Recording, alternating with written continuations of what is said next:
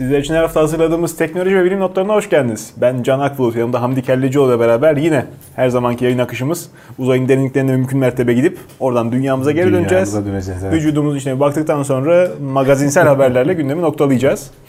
Ee, bu sefer uzayın çok derinlerine gidememişiz galiba abi. Haberimiz aydan geliyor. Aslında dünyadan e, Ay'a gidip uzayın derinliklerine gidip gelen Alan Bean hayatını kaybetti. 12 kişi var biliyorsun. Yürüyen astronotlardan bir E, diğeri. 4 kişi kaldı evet. E, hepsi artık 80'lerinin üstünde artık. Hani birkaç yılda bir e, böyle haberler şey yapıyoruz. en duyuyoruz. meşhurları ama ilk adım atanlar. Ya tabii onlardan bir Neil tek Armstrong'la Buzz Aldrin. Buzz Aldrin kaldı. O, o hala hayatta ama onun da işte yaşı bayağı E, tabii. e, yüksek dediğim gibi. Hepsi artık hatta 80'lerin sonunda var yani.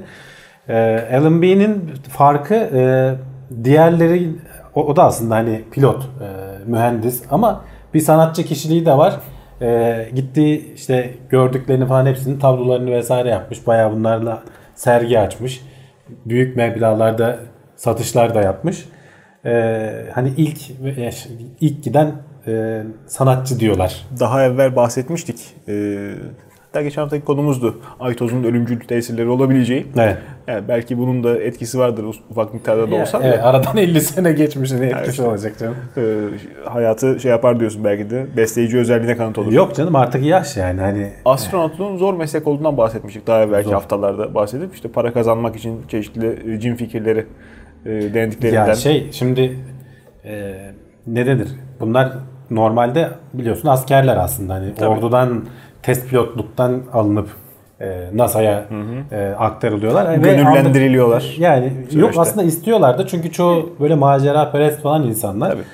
E, tekrar tekrar gitmek istiyorlar. Hatta işte bu Alan Bean hani Ay'a gidip geldikten Hmm. sonra e, 70'li yıllarda ISS yok o zaman da bir başka gene işte uzaydaki modülde işte o zamanki rekoru kırmış 50 küsür gün kalarak falan. Yani hani başka görevlere de gitmişler. Ee, bir yerden sonra da işte dünyaya döndükten sonra artık hani yaşlandıktan sonra eğitim falan şeyleri yapıyorlar. En sonunda da emekli oluyorlar. Tabii. Emekliliğinden sonra işte dediğim gibi bir sürü resim sanatıyla ilgilenmiş. Resimlerini satmış. Doğru. Dört kişi kaldılar. Bakalım inşallah sayıları hızla çoğalır Yani da ama- Ay'a giden insanlar. Ne dedim? Ee, uçak e, test pilotu olmasına rağmen hani bu Saturn 5 roketinin yarattığı gürültü ve sarsıntıya inanamadım diyor. Hani beklediğimin çok üzerindeydi. Acaba bir yanlışlık mı var? Fırlatma Evet, patlıyor mu, esnasında kalkıyor mu? bir sorun mu oldu diye düşündüm diyor. O ilk işte fırlat en güçlü roketlerden biliyorsun biri Saturn 5. Ee, düşün işte yani öyle bir şeyin ucunda Hmm. e, koca roketin alt kısımlı kocaman roket en üstte sen kapsülün içinde 3 kişi kaptırıp gidiyorsun. Sosyal olarak da geçmişte bu tip denemelerde yer alan insanların ciddi travmalar atlattığından da bahsedildiğini ben hatırlıyorum. Şimdi tabii e, linkini buraya taşımadık ama Ya bunlar ama eğitimli insanlar çalışmalar işte da var. zaten her türlü e, konuda Ona rağmen ki hani zaten öyle seni direkt hani pilotluktan alıp koymuyor. Her türlü olabilecek tehlikeye karşı işte tatbikatlarını Tabii. vesairesini falan yapıyorsun. şimdi- Zaten bunların fırlatmasında da Apollo 12 oluyor galiba görevi. Ee, yıldırım çarpıyor iki kere Hmm. Satürn 5'e. Bütün şeyler e, göstergeler şaşıyor. Alarm vermeye falan başlıyor. Evet. İşte hemen Houston bir sorunumuz var lan çözüyorlar olayı. Orada Tabii. müdahale ediliyor. Bir kapataç abi düzelir. Aslında hakikaten de öyle benzer bir şey uyguluyorlar. egzozdan alev atıp devam etmiş. Elektrik sistemini bir resetleyip düzeltmeyi başarıyorlar. Yoksa bütün hani yönlendirme falan sistemlerini kaybetme durumları olabilirmiş. Tabii ki yüzlerce saatlik uçuş tecrübesi, çok ciddi ağır eğitimler, psikolojik olarak da hazırlanmak ama şöhret işin başka bir boyutu. Yani perde arkasında işini çok iyi yapan insanlar olabilirler ama dediğin gibi dünyaya döndükten sonra senin görevin artık bitti arkadaş. Uğurlar olsun denmesi ağırına gidiyor olmalı. Kariyer hedefi olarak çok erken biten bir e, görev. O yüzden de tekrar Yok tekrar işte hani sonuçta olabilirler. yeni, yeni nesilleri çalıştırmaya falan hani senden yararlanmaya devam ediyorlar. Yani sözün özü- Ama tabii o hevesi, o heyecanı hiçbir zaman Bu yaşayamıyorsun. adamlar sadece antika olarak bakmamak lazım. Yani gidip bir yeri görmüş de gelmiş seyyahlar olarak değil. Yani bütün hayatıyla, yönelimleriyle, te- yaptıkları işlerle görev tamamlandıktan sonra dahi gözlemlenen kıymetli birer e, aslında Bir ilginç anısı daha var bak o, o da aklıma gelmişken onu da anlatayım Alan Bean'in. Ee, Apollo 12 görevinde ilk e, renkli görüntü yayını yapacaklar. Ama Alan Bean e, kamerayı yanlışlıkla güneşe tutuyor ve tamamen yanmasına Hmm. Bütün filmi neden tabii. oluyor. E, o yüzden de mesela kendini hiç affetmemiş. Yani o görevi başarıyla yerine getiremediği için. affettiyse bile bir söylememiştir. Yok hep o dünyaya döndükten sonra bile hani arkadaşları falan söylüyorlar. O olayı hiçbir zaman kafasından çıkaramadı diyorlar. Tabi. Tabi. Önemli hatalar işte akıl kirası Ya oluyor. oluyor bu insan şekilde. işte sonuçta yani yapabiliyorsun böyle şeyler. Bir sonraki haberimiz bu sefer Yörünge'den. ISS dedin. Uzay istasyonunda NASA farklı bir şey deneyecek. Uzay istasyonunun değişik deneylere e, ev sahipliği yapması da konuşulan proje e, adımlarından bir tanesiydi. Evrendeki en soğuk nokta. Mutlak sıfırı bulmaya çalışacaklar. Dünyada Mutlak sıfıra bulamıyorsun. Hani İşte fiziksel olarak çalışacaklar. mümkün değil. Oraya çok yaklaşıyorsun. Nedir İşte mutlak milyonda sıfır? biri derecenin milyonda birine kadar yaklaşabiliyorlar işte lazerlerle vesairelerle. Zaten şöyle sandık büyüklüğünde falan bir kutu aslında. Onun içinde olan olay gerçekleşiyor. Teknik olarak da soğuktan kasıt burada ım, maddelerin Kelvin Atomların sıfıra ulaşmak. titreşimi. Yani eksi 273 dereceye kadar İşte- indirmeye çalışmak yani. ortamı soğutmuyor tabii ki kendinden Tabii daha atomları. sıcak bir şeye. Zaten Atomu hani durdurmak. Atom bulutunu soğutacaklar. Ee, ve bu soğuduğu zaman işte mutlak sıfıra yaklaştığın zaman e, Bose-Einstein yoğuşması diye bir şey oluyor. Ve bütün e, o atomlar e, her biri toplu halde yani senkronize bir şekilde hareket etmeye başlıyorlar. E, normalde hani atomlar birbirlerine çarparlar. Bir ısıları vardır hani. Isı zaten oradan gelir. Sıcaklık diyeyim. E, çarpmalarından ve rastgele hareketlilikten oluşan bir şey. İşte onların hepsi tamamen ortadan kalkıyor ve bütün madde bir senkronizasyon içinde hareket etmeye başlıyor. Bir madde parçacık etkisinden çıkıp sanki böyle daha bir dalgalanma etkisinde kumaşın üzerinde dans ediyormuş gibi diye tabir ediyorlar. Ee, Daha çok da tahmin bunu, ediyorlar. e, Çok yani fazla gözlemlenemedi. e, yapabildikleri bu deneyi yaptılar ama dünyanın kütle çekiminden kurtulamadığın için Evet. çok kısa süreli oluyor. İşte bir saniye, iki saniye falan sürelerinde bu etkiyi gözleyebiliyorsun. ISS'te işte kütle çekiminden uzaklaştığın için yani yer çekimsiz ortamda yapabildiğin için 10 saniyeye kadar uzatabilmeyi düşünüyorlar. Ee, yenilenmiş araçlarla işte geliştirilmiş gene bu aletin başka versiyonlarıyla da 50-60 saniyelere hatta 3 saniyelere kadar çıkılabilecek ve bu alan e, daha uzun olduğu için daha rahat gözlemlenebilecek. Bu madde nasıl davranıyor? İşte süper akışkan denilen bir şey oluyor. E, kendi içindeki bütün sürtünmesi kayboluyor. E, Evet. Diyor şey süper akışkan ne diye örnek vermek gerekirse hani bir bardak süper akışkan suyu çayı şöyle karıştırdığında hiç durmadığını düşün. Sürekli dönmeye devam ediyor. Bu tarz böyle garip etkiler oluyor. O sıcaklıklara indiğinde. Bunlar tabii nerede işimize yarayacak dersen işte nasıl çalıştığını, maddenin nasıl davrandığını anladıktan sonra bir işe yaratabilir miyiz? Nerelerde kullanabiliriz? Belki de yarayacağı yeri çok da e, hayal kurmaya gerek kalmadan e, geçmiş örneklerde bulabiliriz. E, bildiğim kadarıyla bir grup bilim adamı da aynı anda ışıkla çalışan bilgisayar devreleri üzerinde E, tabii. kafa patlatıyorlar. Orada bu tip sıcaklıklar mı diyelim, soğukluklar mı diyelim, bu tip e, işlemlerin meyvelerinden istifade edilebilir. Çünkü ışığın durdurulması e, başarılmıştı daha evvelden. Ya hepsi kuantum bilgisayarlardan tut da e, senin dediğin gibi işte ışık üzerinden kullanılması vesaire falan hepsi birbirine bağlı şeyler aslında. Fiziğin güzel işte tarafını şimdi şimdi insanlar kaymağında sürmeye başladılar. Geçmişte hep e, kafa patlatanlar teoriler üzerinden konuşmuşlar. Hep varsayımlar. Varsayımların işte çıktıklarını biz şimdi bu imkanlarla gözlemleyebiliyoruz. E, gerçek olduklarını bu imkanlarla gözlemleyebiliyoruz. Yani- Hesaba katılmayan işte ilginç e, ihmal edilebilecek kadar küçük detayları da bu vesileyle belki görme şansı olacak. O yüzden çok önemli bir adım. Para israfı değil yani. Projenin başındaki uzmanlardan birinin söylediğine göre e, bu buradan elde edilecek bilgilerle işte evrende hani ne olduğunu bilmediğimiz karanlık enerji, karanlık maddenin ne olduğu, nasıl davrandığına kadar Yani e, tabii. Anlayabileceğimiz yani yollar önümüze açılacak diyor. Tam aralarında nasıl bir ilişki var bilemiyorum. Onun ayrıntısına girmemiş haberde ama onunla da ilişkili. Yani hatta Laurel. Hangisini duyarsanız artık. Bir sonraki haberimiz bu kadar neşeli değil. Biraz daha kötü bir haber. Türün sevenleriyle alakalı. Ama tahmin ediyorduk. EM Drive. Bu erkek dönencesinin türevi miydi? Neydi? Nasıl bir Ona cihazdı? benzer bir şeydi. Herhangi bir yakıt olmadan e, itki ürettiğini iddia edilen ama sonuçta NASA'nın testlerinde falan da ya bir şey var siz de bakın dedirten bir e, motordu bu. 2015 ya da 16 yılındaydı galiba. Birkaç yıl önce diyelim işte gündeme geldi. Hayal meyal. NASA işte çeşitli testler yaptı. Ya biz hani olmaması gereken bir enerji alıyoruz hani bütün elektriği kestiğimizde falan bile E, Rezvan ki Kiraz mı açıklamayı? ortamlarda e, testlerini yapıyorlar. E, Almanya'da bir laboratuvar bunu incelemiş. Onlar da diyor evet yani bir itki şey oluyor. Gerçi bu çok küçüktü zaten. Ama böyle bir şey varsa hani enerji vermeden sen itkiyi alabiliyorsan böyle O bir etki varsa bunu bir kullanabilir miyiz? Zaten hani olup olmadığını önce kanıtlayacaksın. Tabii ki hani bildiğimiz fiziksel e, kanunlara baktığın zaman böyle bir şey olması mümkün değil. Ama sonuçta e, bütün etkenleri ortadan kaldırman lazım. Çünkü işin ucunda çok önemli bir gelişme var. Eğer bu öyle bir şey olduğu tahmin bulunabilirse veya ispatlanabilirse dediğim gibi hiç yakıtı olmadan belki işte uzun zamanda hızlanacak belki bir motor ama seni yıldızlar arası mesafelere taşıyabilecek bir motor olacaktı. En azından ama teoride. hala tamamen e, reddedilmiş değil ama Almanya'daki laboratuvarın açıklamasına göre e, biz bütün hani şeyleri yaptık ama dünyanın manyetik alanından etkilendiğini düşünüyoruz diyorlar. E, onu da gündeme katan, e, dikkate alan başka bir araştırmayla hani bu tam çözülsün diyorlar ama muhtemelen onunla ilgili bir şey yani bütün bilim insanları da bir şey yok bu konuda diye düşünüyorlardı zaten. Evet, evet. aşırı zayıf kuvvetler, aşırı zayıf. ihmal ediliyor artık maalesef. Dediğin gibi teoride çok e, düşündüğün zaman hiç yoktan enerji ufuk açıcı bir şey ama Yani düşün pratikte işte pek öyle falan olmuyor. e, bütün onların yüklerinden kurtulup e, istediğin kadar gidebiliyorsun uzayda. Hatta istemediğin kadar. Hatta istemediğin kadar. Evet. Ama ne yazık ki gerçek değil henüz. ciddi bir çalışma yani ciddiyeti olan bir çalışma ama e, bu hiç yoktan enerji var etmek çok e, çok defalar suistimal edilmiş bir başlık.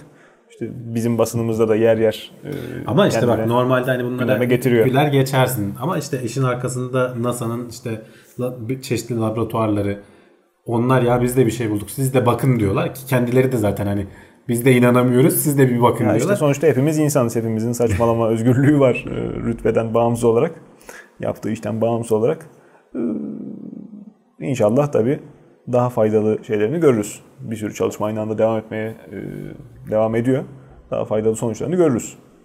Bir diğer haberimiz yine Ay'a doğru.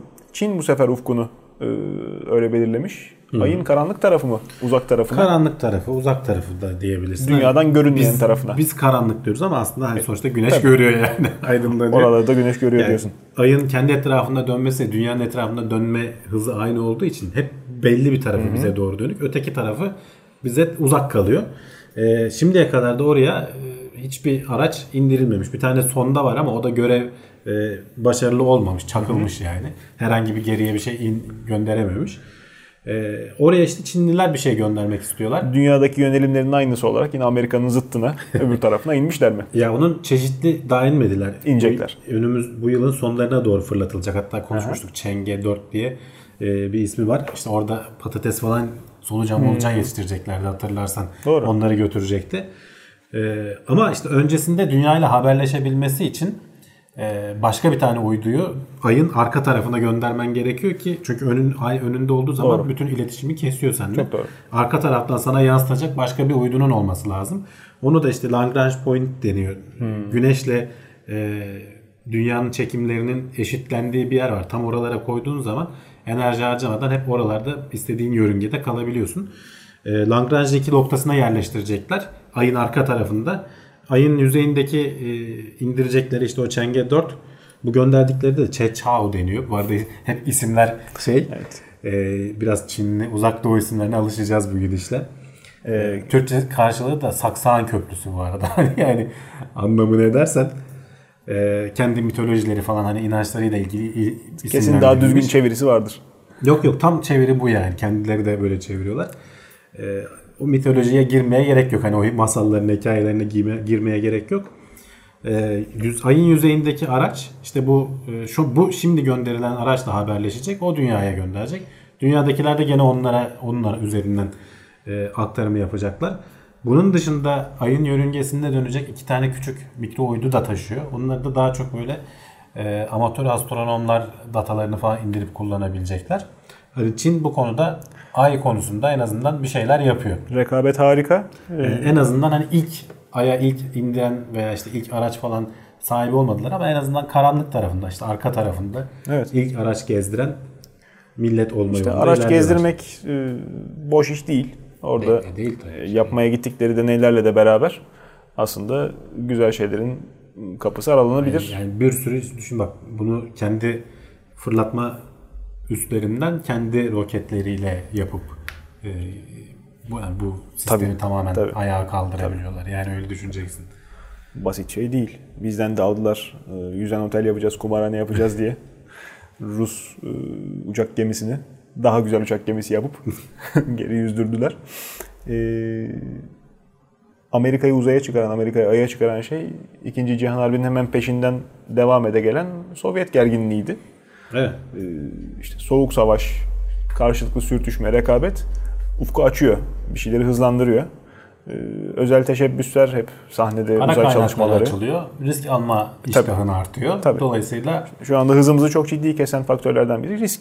tabii. Daha evvel de işte güvenlik aman astronotun midesi bulanmasın, korkmasın diye çok insani gerekçelerle e, bir sürü tedbir alınıyor ama e, olay ticariden işte amiyane tabirle sidik yarışına döndüğünde, ülkeler arası ispat e, alanına döndüğünde o zaman çok daha hızlı gelişmeler peş peşe gelmiş olabiliyor. Gelebiliyor. Bakalım. Belki de Çin'in bu e, girişimi küresel bazda aya doğru, uzaya doğru yapılan çalışmaları tetikleyecektir. Sıradaki haberimiz yine Çin'le alakalı. Bu sefer Çin'de görevli Amerikalı diplomatlar uyarılmış sesli saldırılara karşı. Evet. Bu küfür değil değil mi? Sesli saldırıdan kasıt. Yok değil Can. Ee, bir tane kimliği açıklanmıyor tabii. Amerikalı orada görevli bir kişi. 2017 yılından beri, e, ikinci yarısından beri işte son 6 aydır falan e, çeşitli gürültüler işte rahatsız edici şeyler duyduğunu söylüyor ve bunu daha önce 2016 yılında Küba'da da bir benzeri yaşandı. Belki duymuşsundur. Orada bayağı 20'ye yakın falan diplomatını geri çektiler. Evet. Küba hükümeti açıklama falan yaptı hani bizim olaylarla ilgimiz yok falan diye. Ve geri gelenlerde hakikaten e, sanki beyin sarsıntısına benzer etkiler gözlemlendi. Şimdi Çin'deki bu adamda da benzer durumlar yaşanmış. E, işte dikkat bozukluğu işte ne bileyim çeşitli kasları kon- organizasyonunu yapamama falan gibi. Yani tam beyin sarsıntısıyla ilişkilendirilebilecek şeyler ama bu adamların kafalarına aldıkları bir darbe yok. Sorun orada. Aslında Ve- var ama görünmüyor. İşte ha e, öyle onu da ispatlayamıyorlar ama sesler duyduklarını işte böyle e, hatta verdikleri örnek de böyle arabanın camını az açtığın zaman hani böyle o hava akımından bir titreşim falan hissedersin ya. onun gibi şeyler hissediyorum falan diyor adamlar. Amerika'da da tabii şey diyor yani bir çeşit acaba sesli bir saldırı altında mıyız? Çünkü bir dönem zaten bu konuda çalışma yapılmış. Ha, ulaştığı sonuç paylaşılmadı. Hmm, Ne olduğu bilinmiyor. Safsatadır deyip geçen de var. Hani konu üzerinde düşünen de var bir durup. Böyle bir teknolojinin varlığı yalnız yatsınmaz. İşte odaklanarak verildiği zaman farklı frekansta ses dalgalarının vücudun çeşitli fonksiyonlarını sekteye uğrattığı.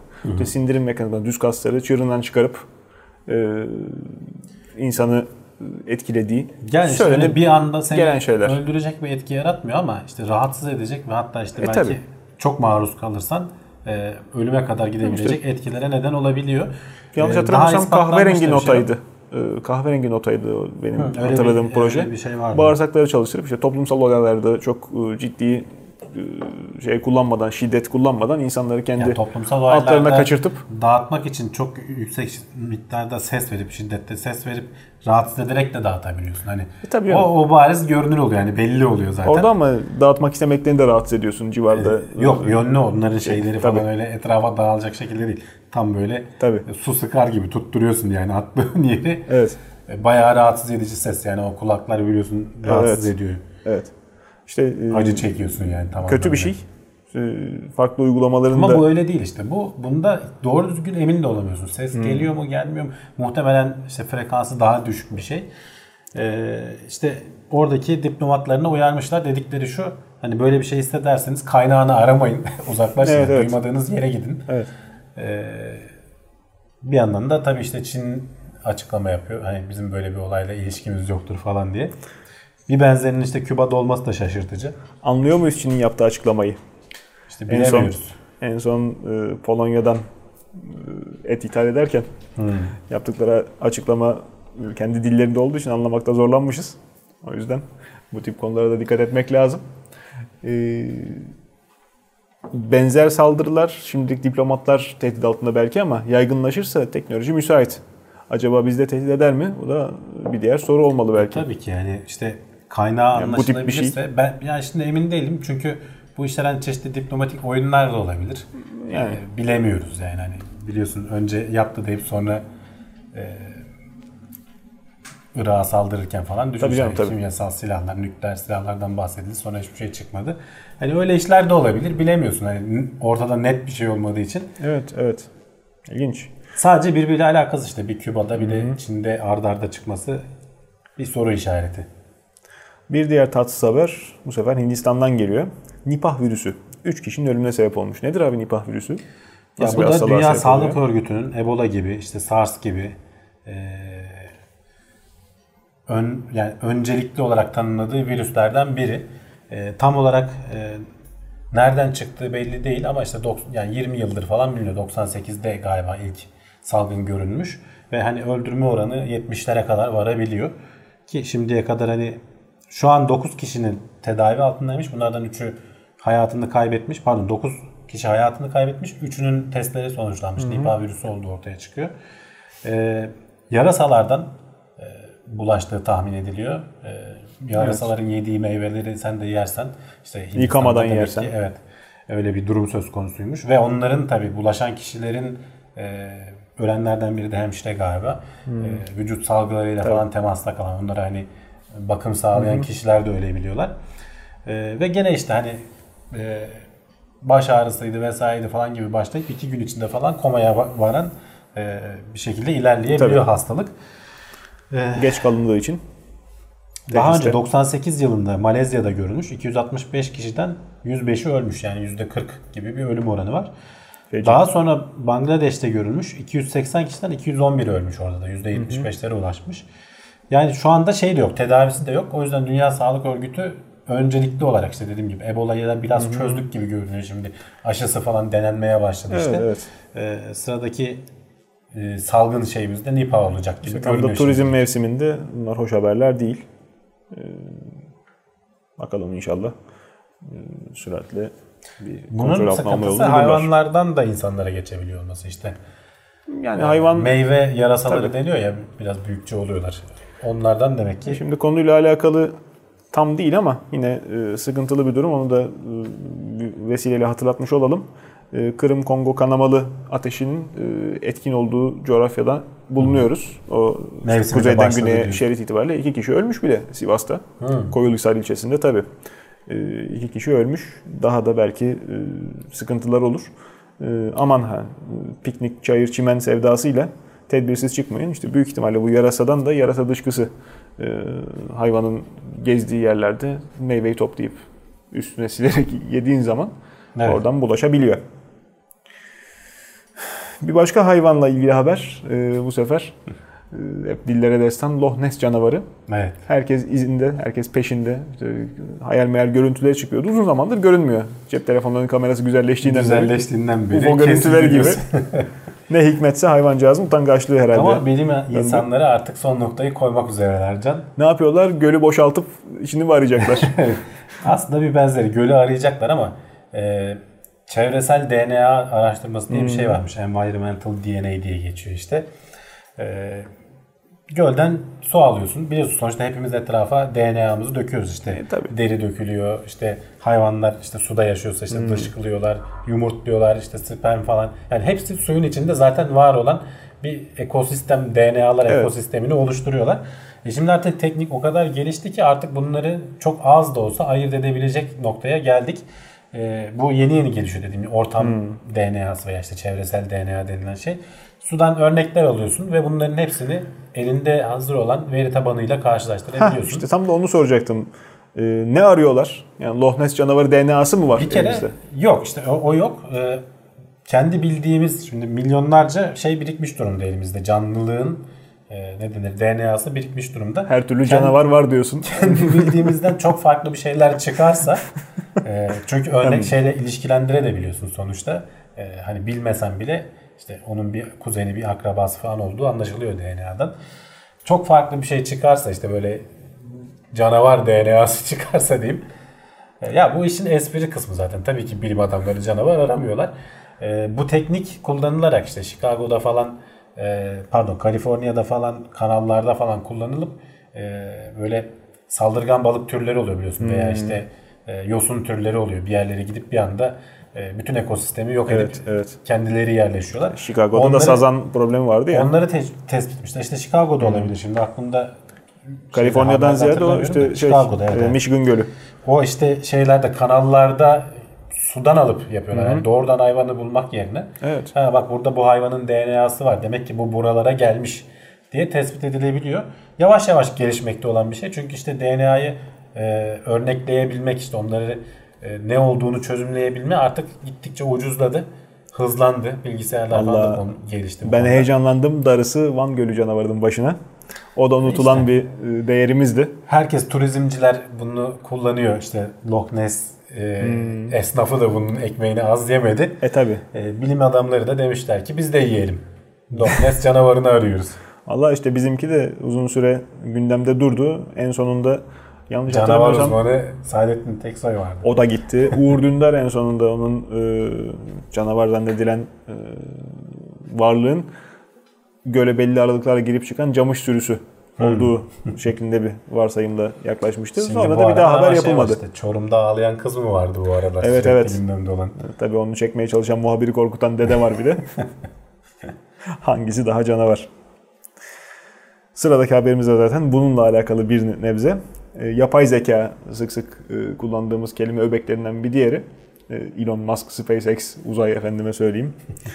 Beraberinde yapay zekanın hangi hayvanlardan daha akıllı olduğunu listelemişler. Ben hangi insanlardan daha akıllı olduğunu listesini bekliyorum heyecanla. Valla şimdi böyle bir yazıya denk geldim canım. Tamamen hani araştırma şeyi değil de genel olarak yapılan araştırmaları falan bir araya getiriyor. Yapay zeka konusunda neredeyizin hani biraz tablosunu, resmini çizmeye çalışıyor diyeyim. Ee, ilginç projeler de var. Mesela e, hamam böceği yapmışlar yapay zekalı. E, hamam böcekleri yani nispeten basit canlılar ama aslında bayağı karmaşıklar kendi seviyelerine indiğin zaman ve toplu hareket etme falan gibi özellikleri de var bazılarının. E, onları işte bir tane küçük hamam böceği robot yapıp onların hareketlerini falan etkilemeye çalışmışlar. Ama işte uzmanların söylediğine göre hani yapay zeka konusunda e, zihinsel engelli hamam böceği seviyesinde falanız anca diyorlar. Yani o kadar e, daha giriş aşamasındayız. Gene e, Open Worm Project diye solucan, açık kaynaklı solucan yapmaya çalışan e, bir grup var. E, yapay zeka ile bir solucanı tamamen e, modellemeye çalışıyorlar. Üzerindeki bütün nöronları.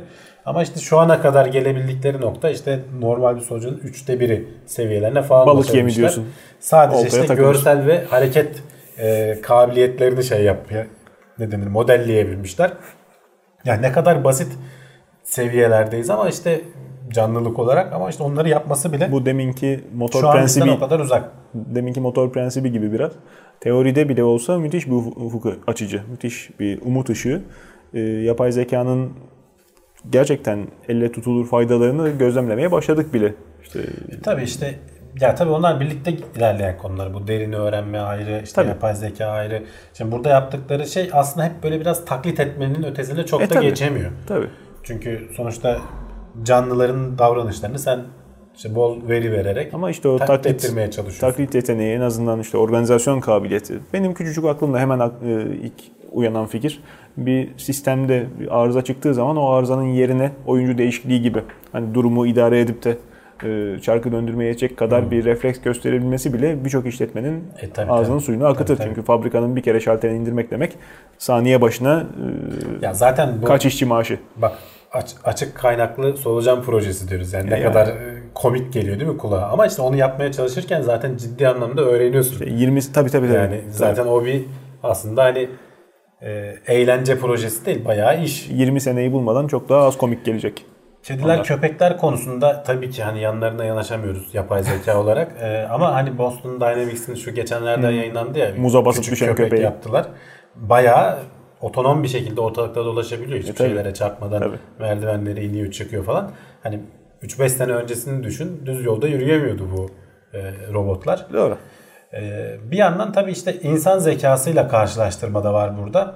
Ee, şimdi yapay zekanın ne kadar akıllı olduğunu şimdi zeka nedir sorusuna bile tam anlamıyla cevap Canım, veremiyoruz. Hani İnsan nedir diye bir soruya da önce cevap vermek lazım. Yani Homojen değiliz çünkü. İnsanı bırak işte sadece zeka de- dersen işte duygusal zekası var, işte yaratıcılığı var. analitik kısmı var. Yani pek çok farklı alandan oluşuyor. Öyle. Ee, bunları da işte bir yandan da şeye uğraşıyorlar. Hani yapay zekalar ne kadar zeki yani nasıl bir ölçekleme yapmalıyız falan diyen başka bilim insanları da var. Onların farklı ölçekleri var. Bunlardan bir tanesine göre insanla karşılaştırdıklarında e, şu an dünyada önde gelen işte Google'ın var, Bing'in var, Baidu var, işte Apple'ın Siri'si var. Bunlarla e, belli sorular sorup işte ona göre kendi ölçeklerine göre sıralamışlar. E, en yüksek puanı Google almış. İşte sonra Bing geliyor, sonra Baidu geliyor. En son sırada Siri. Google'ın aldığı puan 47.28. Bu bizim bildiğimiz hani IQ ile biraz benziyor. E, normal bir insanın, ortalama bir insanın 96 e, puan aldığını söylüyorlar. Hı hı. Hani Google'ın yapay zekası işte şu an bilgi ve işte soru cevaplama falan anlamında tabii. İşte 5 yaşında, 4 yaşında çocuğun seviyelerinde falan diyorlar. Ee, hani henüz daha çok giriş aşamasındayız bu konularda. Sen 5 yaşında, 4 yaşında bir çocuğun motor hareketlerini düşün yani yapabildiklerini gidip e, anlayabildiklerini falan düşündüğün zaman Tabii. çok çok onların gerisindeyiz aslında. Tabii. Ama yani bu hızla gelişecek bir alan. Tabii. Ve geliştiğinde de sonuçları gerçekten muazzam olacak. İşte ama dediğin gibi şimdiden sonuçlarını ufak ufak görmeye başladık. Hani bunların evet, doğrudan evet. E, nerelerde faydası olduğunu falan hayatımıza girdikçe İşte bilim görüyoruz. kurgunun biraz olumsuz tesiriyle hep insanlar mesafeli yaklaştılar. Aman yapay zeka e, eline tüfek alıp hemen peşimize koşacak. Abartılı ileri kısmını gösteriyorlar. Doğru. ilgi çekmek için. Doğru. Tabii. İnsanlar da onlara aslında tabii şey yapıyor. Bak, bir zaman yani öyle düşün. 90'ların ikinci yarısından itibaren e, bütün bilim kurgu e, özellikle sinema genetik kopyalamaya yönelmişti. Koyun Dolly ile beraber işte DNA falan hayatımıza girince bıçak gibi kesildi bir daha. Hiç evet. izini görmez olduk. Hatta işte takip edenler bilir. Hitman vardı bilgisayar oyunu. İşte genetik mükemmel katil üretilmiş şey nedir adı kiralık katildi. Bütün e, kaliteli suçlulardan özel e, noktalar alınarak hı hı. E, filmi çekildi Hollywood filmi. Bu furya geçtikten sonra yetimhaneden yetiştirdiler. Bütün senaryoyu çöpe atıp yeni baştan yazmak durumunda kaldılar. Bunların çok ciddi pazarlamaya da insanların algısına da etkisi var. E, sevimsiz şeyler olarak hep bugüne geldi.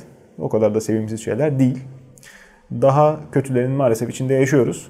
Bir sonraki haberimiz tıp dünyasından tüberkülozla Parkinson arasında bağlantı bulmuş bilim adamları. Evet Can aslında hiçbir birbiriyle alakası olmayan hastalıklar. Biri beyinde e, hücrelerin ölmesine bağlı e, işte evet. ilerleyen bir hastalık. Tüberküloz da verem. Verem aslında. İnce evet, hastalık. bildiğimiz hastalık. Son zamanlarda hani antibiyotik direnciyle hmm. falan tekrar gündeme gelmeye başladı. Doğru. Bir ara bayağı can alırken gerilemişti biliyorsun. Evet. Şimdi tekrar gündeme girmeye başladı ama işte bu ikisi arasında bir ilişki e, bulunuyor. E, dolayısıyla aslında ilişki de şu. LRRK2 diye bir gen var. E, bu e, protein hem Parkinson hastalığına sebebiyet veriyor hem de e, senin bağışıklık hücrelerinin e, tüberküloza saldırmasına etkiliyor. Bunlar arasındaki ilişkiden yola çıkarak e, vardıkları nokta da şu. Ya biz eskiden diyorlar ki Parkinson'u değerlendirirken veya ona çözüm üretirken sadece nörolojik açıdan bakıyorduk. Şimdi diyorlar ki demek ki işin içinde bağışıklık sistemi falan vesaire falan da var. Bütün resmi düşünmeliyiz. Hani hmm. Hani daha genel çözümler üretmeliyiz. Eyvallah, Belki farklı tabii. açıdan yaklaşmalıyız. Doğru. Ee, aynı şey verem için de geçerli. Ters taraftan düşündüğün zaman. Hı hı. Orada vücudunda olan bir genetik işte değişiklik veya işte bir hastalığa yatkınlık başka alanlarda seni etkileyebiliyor. Hep işte geçen hafta da konuştuk ya sindirim sistemindeki değişiklikler bağışıklık sistemini etkilediği artık daha fazla çıkıyor. E, tabii. E şimdi beyindeki bir e, nörolojik bir hastalığın, sinirsel bir hastalığın e, bağışıklık sistemiyle de ilişkisi olabileceği falan ortaya çıkıyor. Bu aralar bir böyle toparlanma hani hep olayları toplu düşünme eğilimi var. İşin araştırma sonuçları genelde insanı bu tarafa yönlendiriyor. Evet evet. Yani. Evet doğru. İşin ilginç tarafı e, hep geldiğimiz mesafe tabii ki muazzam. Ee, ama e, tıbbın gelişmekte olan bilim dallarından biri olduğunu ihmal ediveriyoruz. Hı hı. Doktorlar hastaları reçete yazarken işte sürekli seminerlere katılmadıkça zaten kendini geliştirme çabasına girmedikçe tıbbi bilgiler demode olabilen yerde o kadar hızlı ilerleme kat ediliyor. O kadar birçok alanda. İşte zaten o kadar sıradaki hızlı haber de aslında biraz değişiyor. bununla, alakalı. E işte hasta olduktan sonrası mı hasta olmamak mı e, daha kıymetli? Kolay iyileşmek mi olmamak mı daha kıymetli? Hep beslenme tavsiyeleri alıyoruz. Sen de demin dedin işte hmm. sindirim sistemi etkiliyor. Yumurta e, sıradaki araştırmanın konusu olmuş. E, araştırmacılar diyorlar ki yumurta kalp rahatsızlığından erken ölüm ihtimalini düşürüyormuş ama nasıl yumurta? Hani böyle hamur işin üstünde güzel bir parlasın diye sürülen son yumurta Normal mı? günde yenilen bir tane yumurtadan bahsediliyor. Bu Çin'de yapılan bir araştırma. 416 bin katılımcı üzerinde yapmışlar. Adam bol tabii. Ee, ve işte onların e, hastalıklara, e, kalp damar hastalıklarına veya inmeye e, genelde hep böyle bir tıkanıklık hmm. sonucu oluşan hastalıklar. Evet. E, ne kadar eğilimli olduklarını falan takip etmişler. 9 yıl boyunca bu verileri takip etmişler. E, Yumurta önemli bir dönem yumurta çünkü kara listedeydi. Tabii, Tansiyon hastalarına, işte kalp hastalarına kesinlikle. Canan Karatay hep söyleyip duruyordu ya yumurta yiyebilirsiniz. Evet. E, o listeden çıkar diye. Bu araştırma da aslında onu destekliyor bir hmm. yandan. E, şimdi yumurta kolesterol falan içeriyor tabii ki ama işte kolesterolün de çeşitleri olduğu işte e, HDL işte LDL miydi? Evet, evet. farklı Hı-hı. versiyonları oldu. İşte e, ve bir tanesinin faydalı bir tanesinin aslında hani zararlı olduğu falan gibi ayrıntılar ortaya çıktıkça bazen sen dediğin gibi tıp da ilerliyor işte 1950 sene önce ya bu yemeyin bu zararlı dediğine artık şimdi yiyin Hı-hı.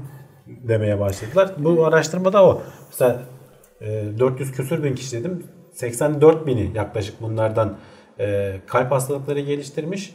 E, %26'sı e, her gün yumurta yiyenlerin %26 daha az e, kalp krizinden ölme ihtimali. Yani yapılan araştırmanın Kayda değer bir sonuçları. Tabii tabii. E, kalp krizi geçirme riskini azalıyor. %28'in ölme riski azalıyor. İnme riskinin azalması %18. E, işte bir kere daha altın çizerim. Şimdi yumurta faydalı deyince de gidip kasa kasa alıp da kırıp ya, içmek herhalde haberde, doğru olmaz. Haberde söylenen araştırmanın konusu günde bir tane. Heh. Buradaki insanların çoğu da hani deneklerin çoğu da her gün bir tane yemiyorlarmış da e, işte haftada birkaç tane falan yiyen hmm. de var. Ama işte yumurtanın itibarını iade ettik denilebilir. Artık. Evet evet. Evet. Ee, işte tıp gelişiyor. Gelişmeye devam ediyor. Ee, arada tabi bu bilginin ışığında çıkıp da kendine hemen süper kahraman rolü biçen simsarlar bir şeyler satmaya başlamasın. Ee, alternatif Canım, tıp diye. tabii hani orada işin içine başka şeyler giriyor. Bu yemek Kavram karıştırıyor tabii. Yumurta da hangi yumurtanın da biliyorsun bin tane tabii ayrıntısı canım. var. Tabii. İşte diyorum ya böreğin üstüne sürülen yumurta da yumurta. Olacak da bilmem ne de Sucuğun üstüne kırılan zaman. da yumurta. Doğru. İşte haşlanmış, tuzsuz, bibersiz de yumurta. Yani onlar önemli. Bir sonraki haberimiz içinde yaşadığımız evrenin yavaş yavaş e, çürümekte olduğunu bize sinyalini veriyor galiba. Evren değil, dünya. Olsun o da çürüyordur. dünya bu kadar hızlı çürüyorsa karbondioksit miktarı arttıkça atmosferdeki e, bizim yediğimiz pirinç o da çünkü aynı atmosferi paylaşıyor. İçindeki besleyici değerler azalıyormuş. Bilim adamları bunu ispat etmiş. Ee, hatırlarsan buna benzer bir konuyu aslında genelinde konuşmuştuk. Hani bu küresel ısınmayla veya işte evet yiyecek sektöründeki gelişmelerle evet verimlilik çok artıyor ama e, ürettiğin yiyeceğin hı hı. besleyiciliği azalıyor diye. E, bu işin küresel ısınma kısmına bakıyor. Çünkü e, Amerika'da falan bazı senatörlerden bu tarz açıklamalar duyuyorlar. Onlar da biliyorsun hani böyle küresel evet. ısınma karşıtlığı falan biraz daha yaygın. E, diyor ki işte evet karbondioksit miktarı artıyor ama bu işte şeye etki sağlıyor işte pirinç üretimini hmm. arttırıyor veya işte dünya üzerindeki bitki örtüsünü evet bazı yerlerde arttırıyor ama işte besin değerini düşürerek arttırıyor. Sen daha fazla pirinç elde ediyorsun. Evet. Ama elde ettiğin pirincin besin değeri düşüyor. İçindeki proteinler, vitaminler, işte demir oranı, çinko oranı falan düşüyormuş. Ee, bunu da kontrollü bir şekilde yapmışlar. İşte şu anda atmosferde e, 410 ppm işte karbondioksit varken gelecekte işte bir daha ısınma olduğunda 530 ile 590 arasında olsa bu pirinçler nasıl gelişecek diye bakmışlar. Şöyle söyleyeyim hani oranlarını da aklımızda kabaca kalsın. Bitkinin doğrudan fotosentez kalitesine etki ettiği için ya işte yani sadece maruz kaldığı sıcaklık değil. Sonuçta Tabii. hani fotosentez edip daha fazla e, enerji üretiyor. Hı-hı. Evet daha hızlı büyüyor ama topraktan emebildiği e, evet, tabii. besin Diğer maddesi az. az. İşte bak ne kadar azmış. E, protein seviyesi %10 azalmış. Demir seviyesi %8. Çinko seviyesi %5. Ee, özellikle vitamin B vitaminin çeşitleri var biliyorsun. Onların bazılarında %30'lara varan azalma. Vitamin E oranı artıyormuş ama.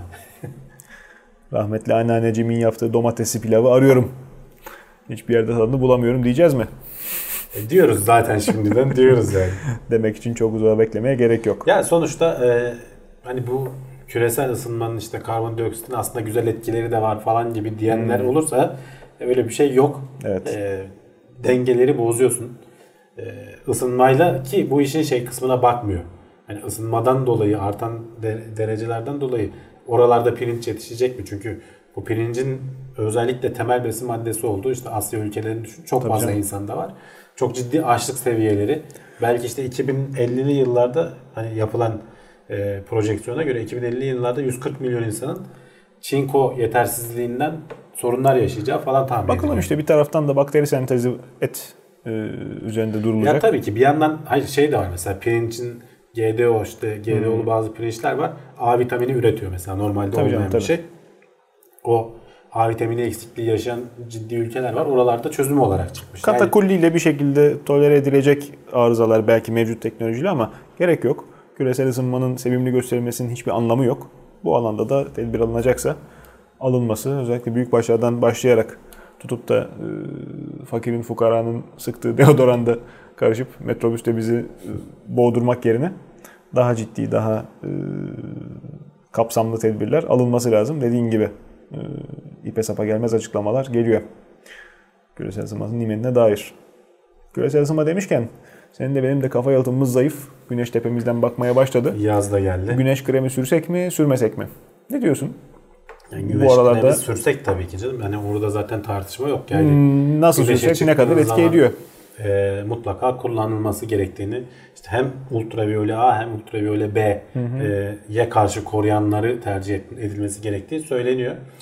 E, ben de böyle bir yazıya denk gelmişken bu aralar tam dedim zamanı bunu da alalım. Evet. E, şimdi o güneş kremlerinin üzerinde bir koruma faktörü var biliyorsun. SPF diye geçiyor işte. Kimisinde 30 yazıyor, kimisinde 50 yazıyor. İşte arttıkça da pahalanıyor zaten. Evet, tabii. Bunun e, açıklaması diyorlar ki 2 saat boyunca seni koruyacağı faktörü söylüyor. Mesela 30 SPF 30 işte güneş ışınlarının %96'sını falan kesiyor. 2 saat boyunca. Ondan sonra gitgide düşmeye başlıyor bu. İşte hele suya giriyorsan veya işte plajda kumda falan tabii. oynadıysan sürekli yenilemen gerekiyor. 2-3 saatte bir e, sürdüğün kremi yenilemen gerekiyor.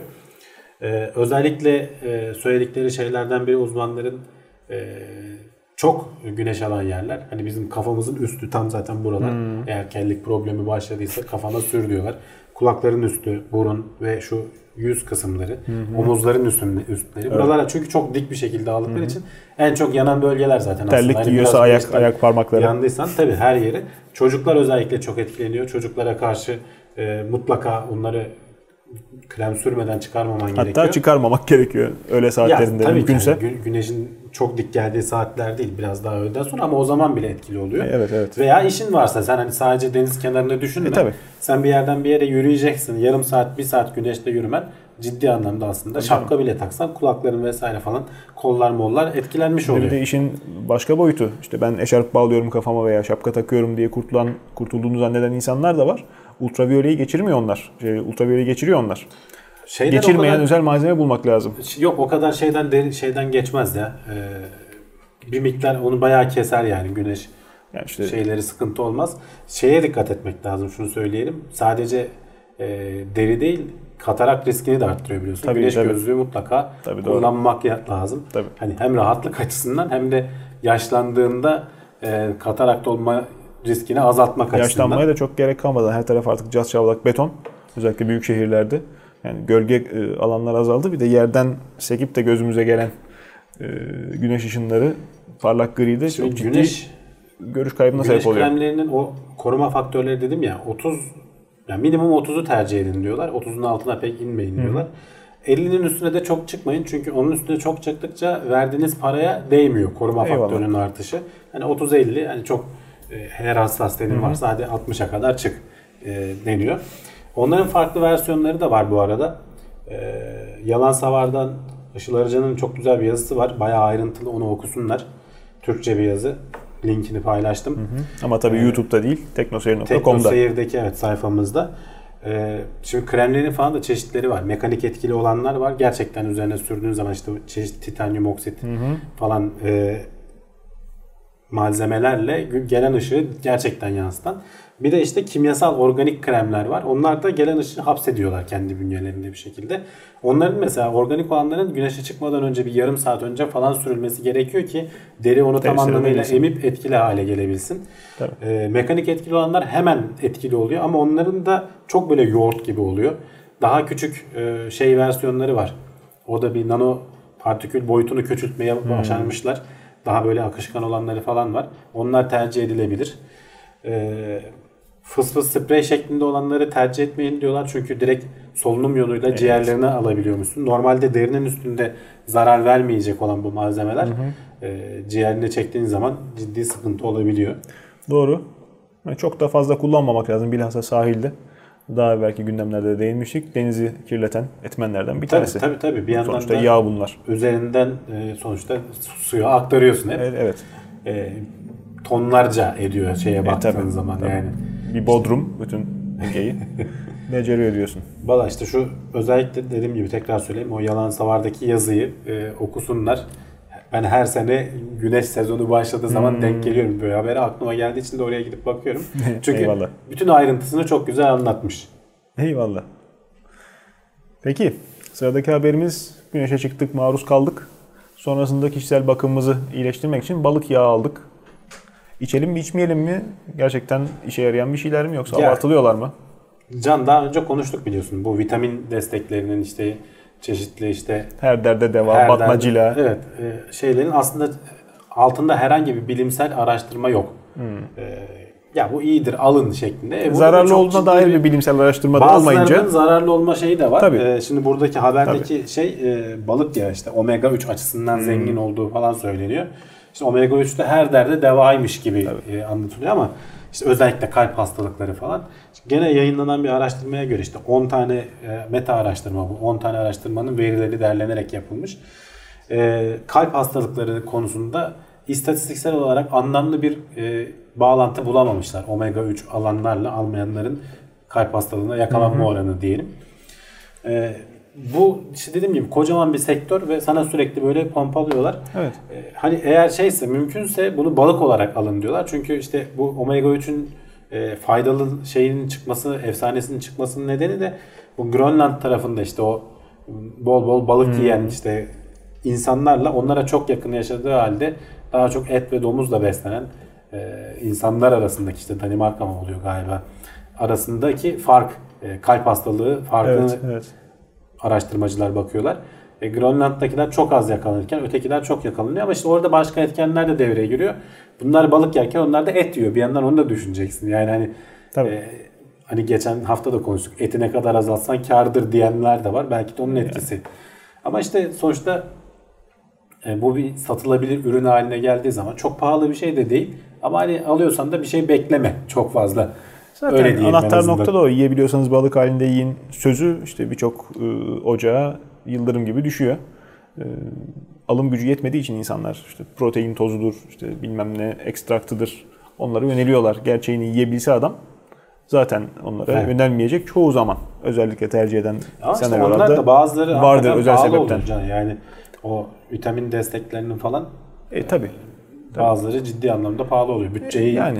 Yoran şeyler oluyorlar yani. Şimdi işte öyle ciddi bir şey olduğu zaman da e, öyle ciddi bir durum olduğu zaman da sen gidip eczanede eşantiyon diye sana uzatılmıyor onlar.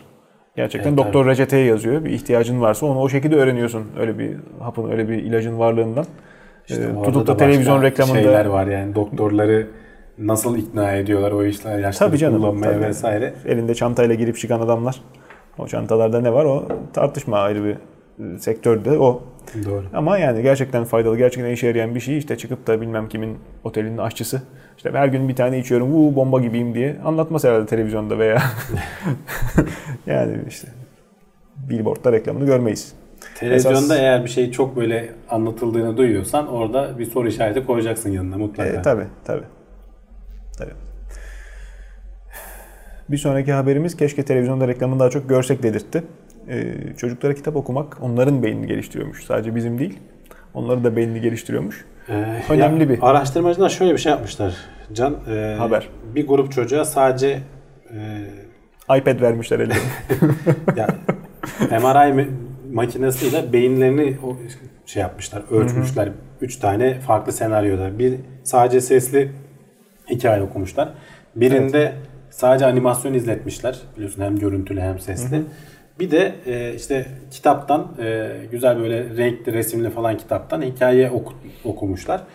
E, en çok beyin aktivitesi, daha doğrusu beynin bölümleri arasındaki en çok aktivite tam böyle ikisinin ortası olan işte kitaptan hem görselliği tetikleyecek. Çünkü ses olduğu zaman çocukları şey diyor, duyduklarını anlamaya yönelik çok fazla enerji harcıyorlar ve yeterli gelmiyor onlara. Sadece duyma bölümleri beyinlerinin çalışıyor. Ee, animasyonda çok fazla bilgi, çok hızlı geçiyor. Çocuk daha ne olduğunu hem görsel hem işitsel anlamaya e, var anlamını kavrayamadan başka konulara geçiyor. Veya işte çocuk düşünmeye zaman bulamadan animasyon film onun yerine bu işi yapıyor. Doğru. Bu ikisinin tam ortası işte. Bu kitaplardan senin onlara bir şey okuman, resimlerini gösterip onun hayal gücünün çalışmasına izin vermek.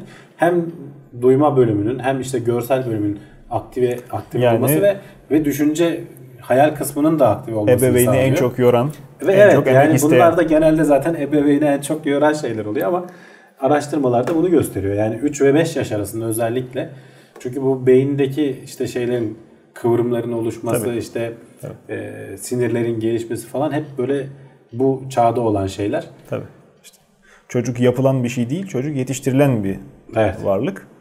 Ee, Ama tabii sadece- animasyonlar şimdi o kadar güzel ki ben bile oturup ulan ne yapmış adamlar diye Ya izliyorum. bak sen ben oturup izleriz. Yani çocuğun kafasında onu kıyaslayabilecek çok fazla e, argüman olmadığı için bilim adamının demesi de muhtemelen ona işaret ediyor. E, Zaten Akan'ı yorumlayamıyor. Yani bir sürü zaten şeyi düşüneceksin. İnsan yapısı tembelliğe genelde şey yapar. e, tabii. kolay olan, hoşuna giden. Genelde zaten çocuklar hep animasyonu tercih ediyorlar dikkat edersen. Niye? Çünkü Doğru. o kolay. Pasif olarak bir şey alıyorsun sürekli. Hani kafayı da yormak zorunda Hmm. kalmıyorsun. Hem de zaman geçiyor. Doğru. Ailenin de işine geliyor. Çocuk ruh gibi televizyonu açıyorsun karşısına koyuyorsun hiç sesi çıkmadan saatlerce orada oturuyor. E Ama işte o şekilde e, yazık ediliyor çocuklara. Eğer işte imkanı olan varsa, yapabilecek olan varsa biz de buradan hatırlatmış olalım. Hakikaten e, oya gibi ilmek ilmek işlenen Ne? varlıklar ve işte çok büyümelerini daha e, beklemeye gerek kalmadan da verilen emeğin meyvesini fazlasıyla e, görebiliyorsunuz veya verilmeyeni görebiliyorsunuz. O yüzden bu haber önemli. Son haberimiz yine çocuklarla alakalı ama bu sefer e, ilginç bir toplumsal e, konuyu da çomak sokmuş oluyoruz belki vesileyle. Zengin aileler erkek çocuklarına daha fazla yatırım yapıyormuş. Ee, Çin'de bir sosyolog Can böyle bir araştırmayı Cinsel yapmış. ayrımcılığın Cinsel ayrımcılıktan ziyade bunun aslında evrimsel biyolog biyologların bir şey var, hipotezi var 1970'lerde. Ee, Travers-Willard hipotezi diye.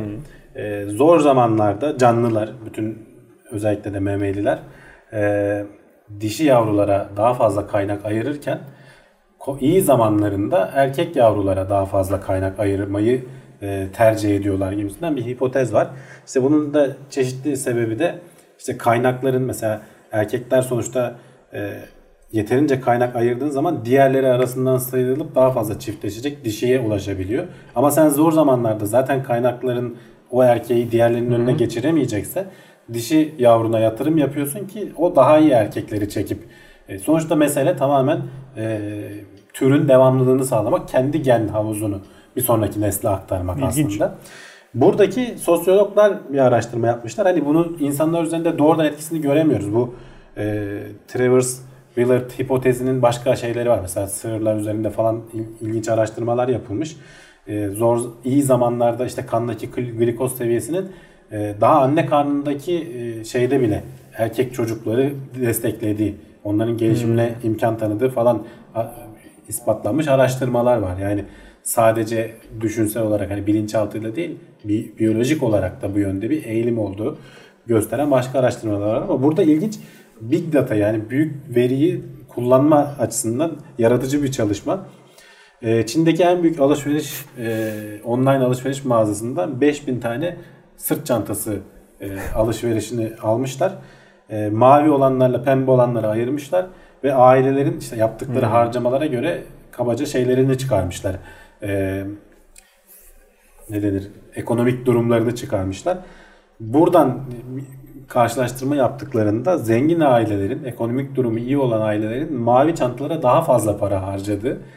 E, fakir ailelerin Ya da mavi daha zengin çantalara daha gösteriyor. fazla değil mi yani O da olabilir. ayırdığını gözlemlemişler. Hani bu doğrudan aslında bunu destekliyor diyemeyiz ama ilginç ve yaratıcı bir çalışma. Evet, Zaten hani konunun bir başka uzmanı, araştırmayı yapmayanlardan başka uzmanlar yorum almışlar. O da bunu söylüyor. Yani ilginç bir büyük verinin kullanılması açısından Data ilginç bir şey. Evet evet. Çağımızın belki de en e, önemli işlerinden biri olacak. Hmm, Düne kadar bilinmezken.